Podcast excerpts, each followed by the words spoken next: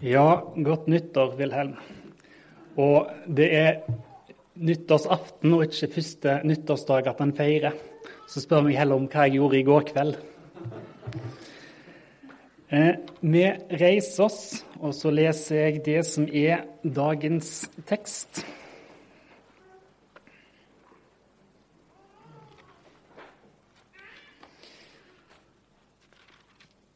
Det står skrevet i Matteus evangeliet i det 21. kapittel. Da han drog inn i Jerusalem, var det uro i hele byen, og de spurte, Hvem er dette? Og folkehopen svarer, Det er profeten Jesus fra Nasaret i Galilea. Så gikk Jesus inn på tempelplassen og dreiv ut alle som solgte og kjøpte der. Han velta borda til pengevekslerne og benkene til de som solgte duer.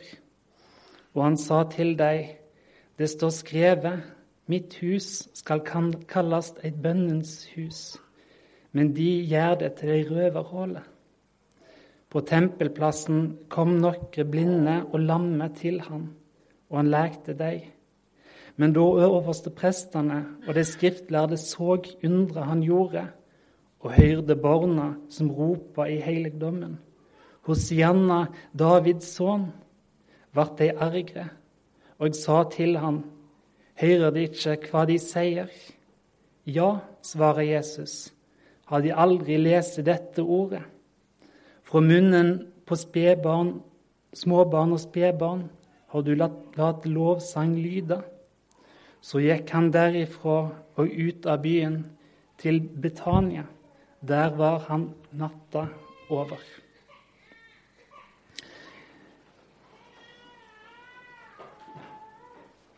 Men det er ikke helt sant. Jeg har feira litt i dag òg.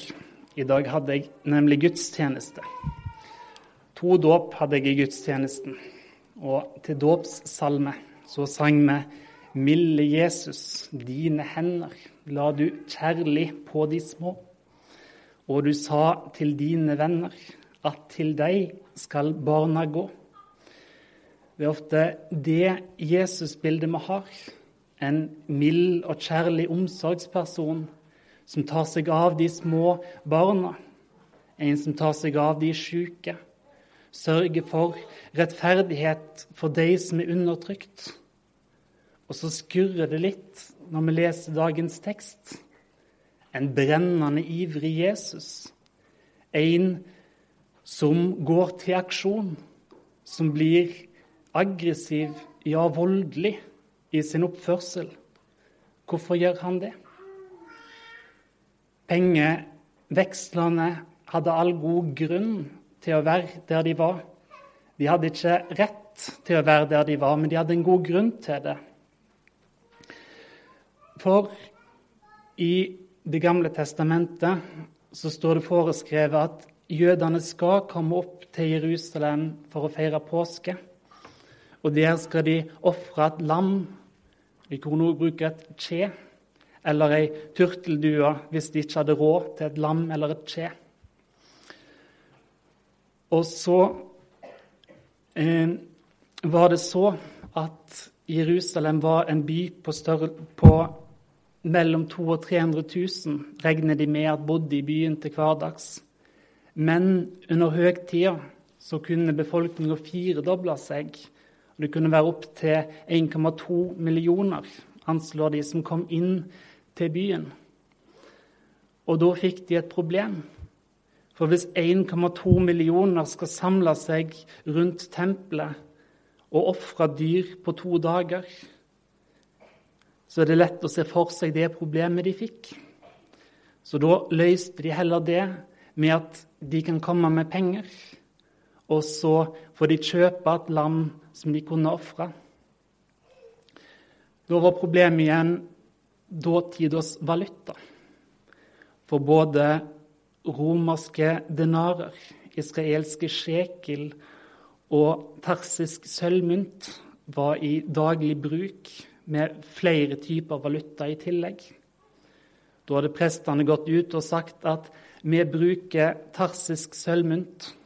Det var den typen valuta som holdt seg mest stabil i kurs. Og så kom folk til tempelet, og så fikk de veksla inn så de fikk seg tarsisk sølvmynt, så de kunne kjøpe et offerlam til høgtida. Disse bordene er det Jesus velter. Og en tolkning av det er at Jesus da setter i stand en så stor omveltning, et så stort kaos, at jødene umulig kunne utføre påskeofferet det året. Og med det viser Jesus at det er ikke nødvendig lenger å ofre et lam. Jeg er det lam som skal ofres en gang for alle. Jesus sier dette med å vise til et profeti i Jesaja-evangeliet, der Jesaja sier mitt hus skal kalles et bønnens hus. Men ikke bare er det, refererer det til Jesaja, men det viser òg til et mer sentralt avsnitt i Det gamle testamentet, nemlig når Salomo innvier tempelet. Og Derfor så leser vi fra første kongebok, kapittel åtte. Så jeg får opp den teksten. Der, ja.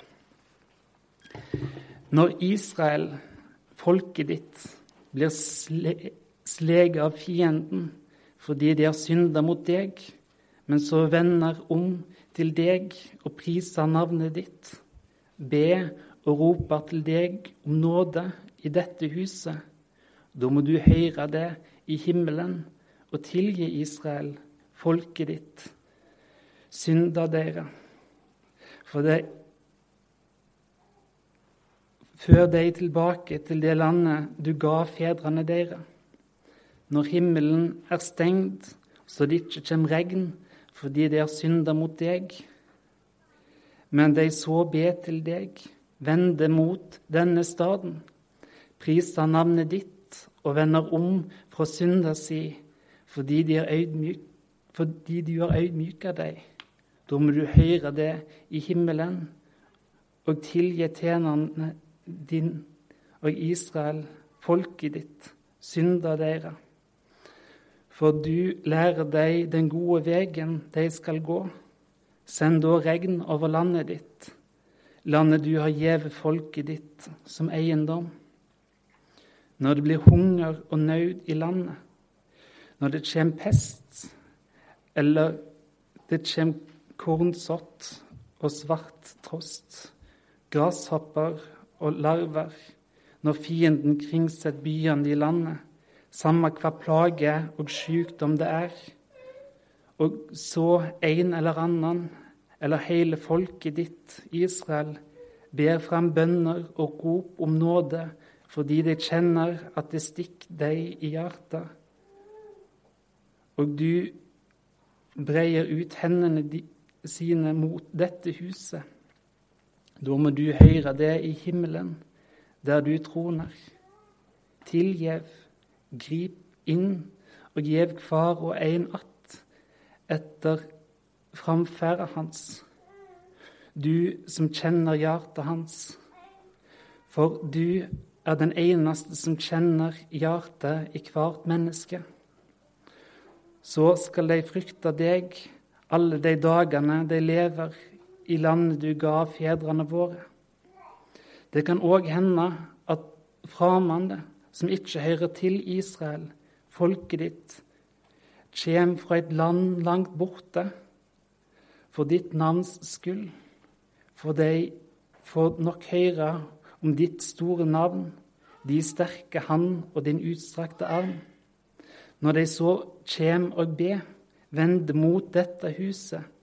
Da må du høre det i himmelen, der du troner, og gjøre at det de roper til deg om, slik at alle folk på jorda kan lære navnet ditt å kjenne, og de skal frykte deg liksom ditt eget folk, Israel, og sanne navnet ditt, og nevne det over dette huset som jeg har bygd.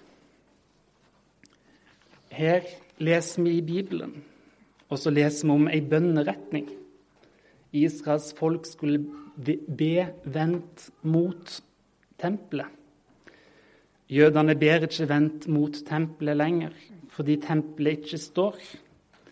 Men det er noen som ber i en retning. Muslimene. De ber vendt mot Mekka. Men at den islamske bønneretning var mot Mekka, det er først en ny vinning. Noe som ble forandra etter Muhammeds død. Muhammed sjøl var vendt mot Jerusalem og mot den høyda der tempelet en gang sto. Vi kristne har ikke ei bønneretning. Eller har vi det? Jeg vil si ut ifra de tekstene vi, har lest, at jeg kan si at vi har ei bønneretning. Det må vi forstå gjennom noen av Paulus sine ord. I 1. Korinterbrev 3,16 så står det Veit de ikke at Guds at de er Guds tempel, og at Guds ande bor i dykk. Vårt hjerte er et tempel Gud, for Gud.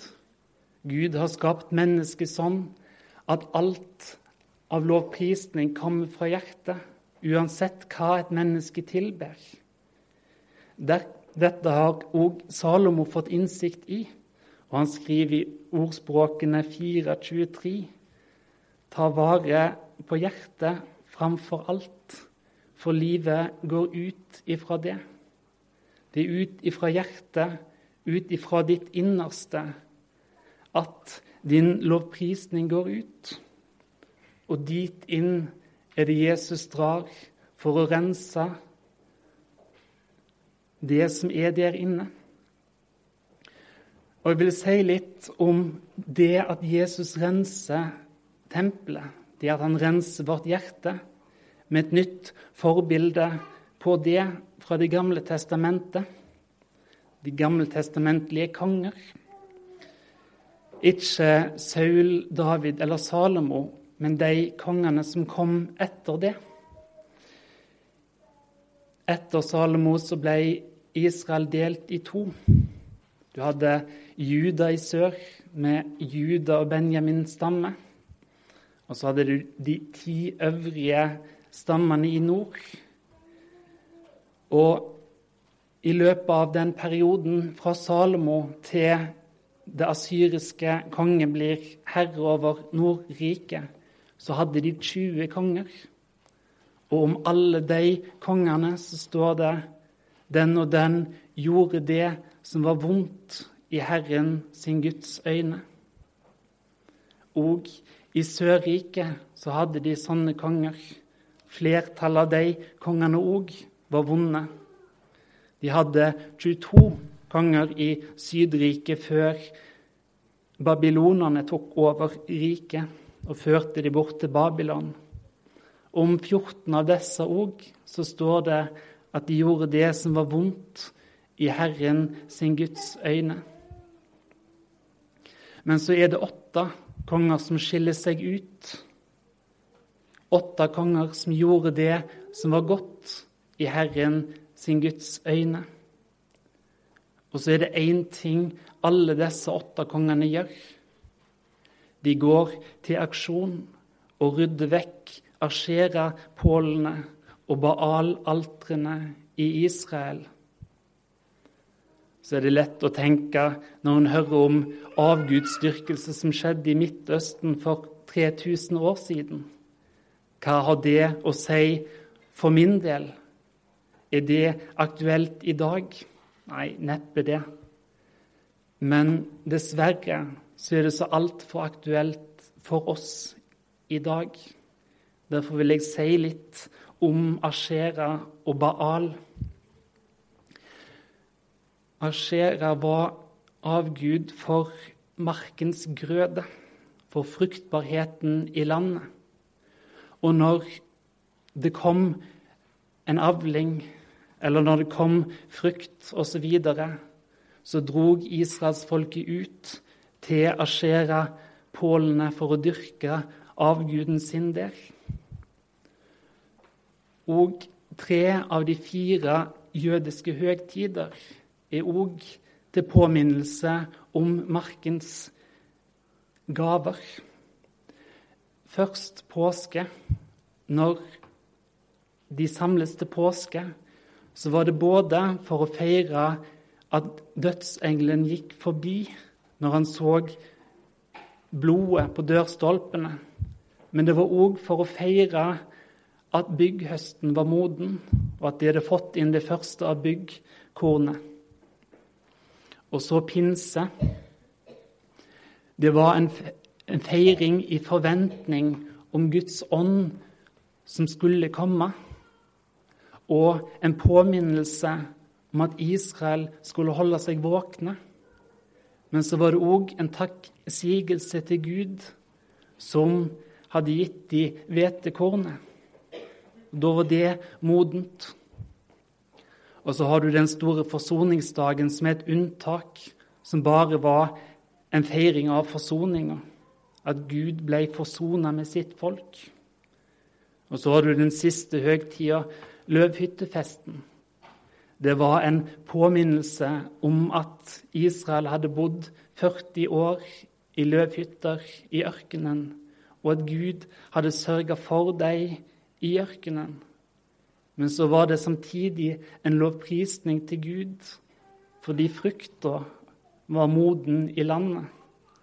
Og både granatepler, fiken, dadler og druer er moden på samme tid. Det er den tida de feirer løvhyttefest. Så ser en at israelsfolket kom. Noen drog inn til Jerusalem, mens andre drog ut for å feire Ashera, for å feire at fruktbarheten i landet var kommet. Og det feirer de med sin egen fruktbarhet. Ved Ashera-pålene ble det drevet store seksuelle orgier. Jeg tror ikke noen av oss har ei Aschera-påle stående, en plass der vi går og dyrker vår seksualitet. Men jeg tror vi har våre steder, internettsider, der vi går og dyrker vår seksualitet. Det er dessverre altfor vanlig. Dit inn vil Jesus. Han vil komme inn i vårt hjerte og rydde det ut.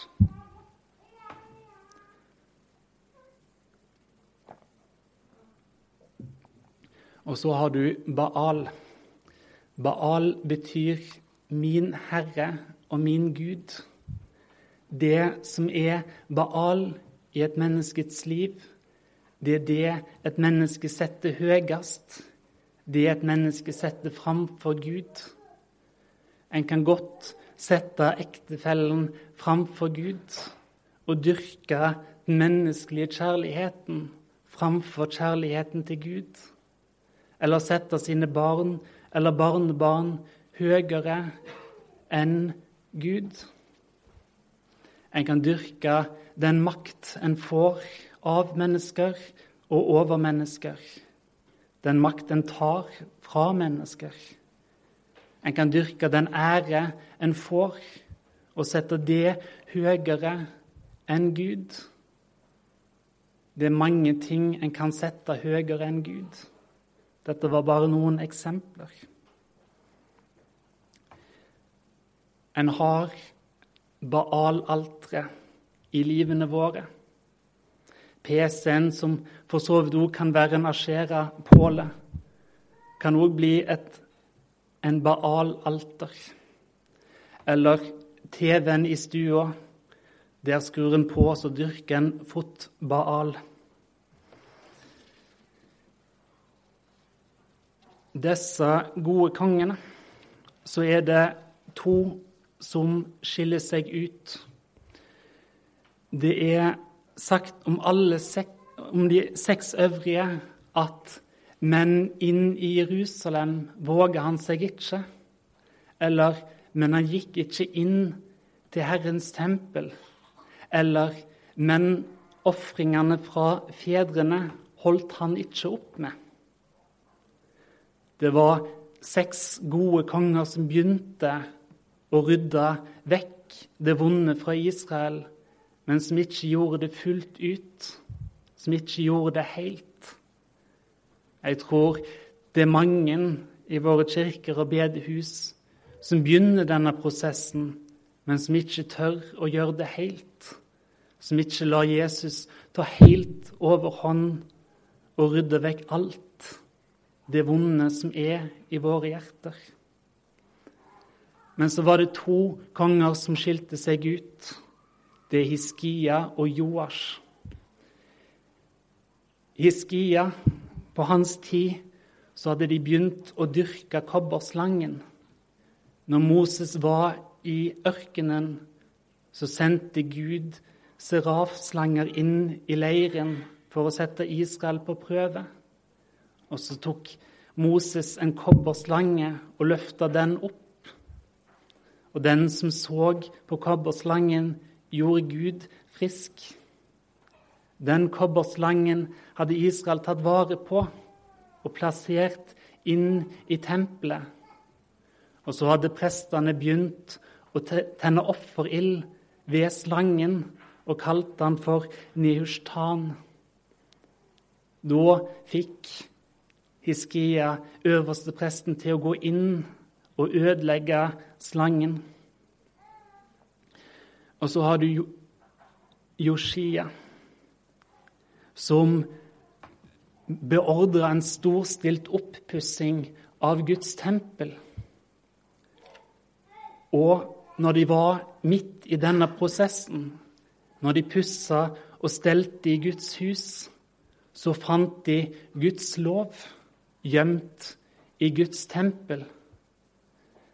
Hvem hadde trodd det? At Guds lov var å finne i Guds tempel? Jeg vil vende tilbake igjen til Paulus, som sa oss at vårt hjerte er et tempel for Gud. Han skriver i Romane 2, og jeg leser en tekst derifra. For når heidningene, som ikke har lova, av naturen gjør det lova krev, du er dei sjølve ei lov, enda de ikke har lova. De viser med dette at det lova krev, står skrevet i hjarta deira. Samvittet deira vitner òg om det, når tankene deira anten skylder dei eller forsvarer dei dette skal bli klart den dagen Gud ved Jesus Kristus dømmer det løgnde i mennesker, etter det evangeliet jeg har forkynt.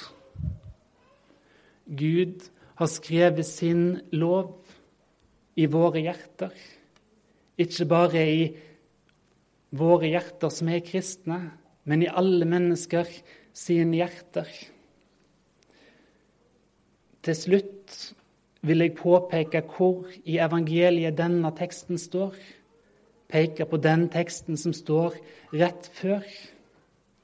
Der rir Jesus inn i Jerusalem, og hele folket priser Jesus for den han er. Fordi han er den Messias Gud har lova. Det er mange som kommer både til bedehus og til kirke for å prise Jesus fordi han er en snill og god omsorgsperson som tar seg av barna, som tar seg av de syke, som gir rett til de undertrykte, som er en god lærer og et godt ideal. Men det første som skjer når Jesus blir prisa av et menneske, det at han tar inn til tempelet i mennesket. Han drar inn i hjertet, og så begynner han å rote rundt i alt det som står der. Og så minner han oss om sin Guds lov, som sier at vi alle er syndere for Gud, at ingenting nytter. Vi er fordømt i oss sjøl. Vi trenger Jesus og det han gjorde for oss videre i påska. Ære være Faderen og Sønnen og Den hellige ånd, som var, er og blir en sann Gud fra evighet og like til evighet. Amen.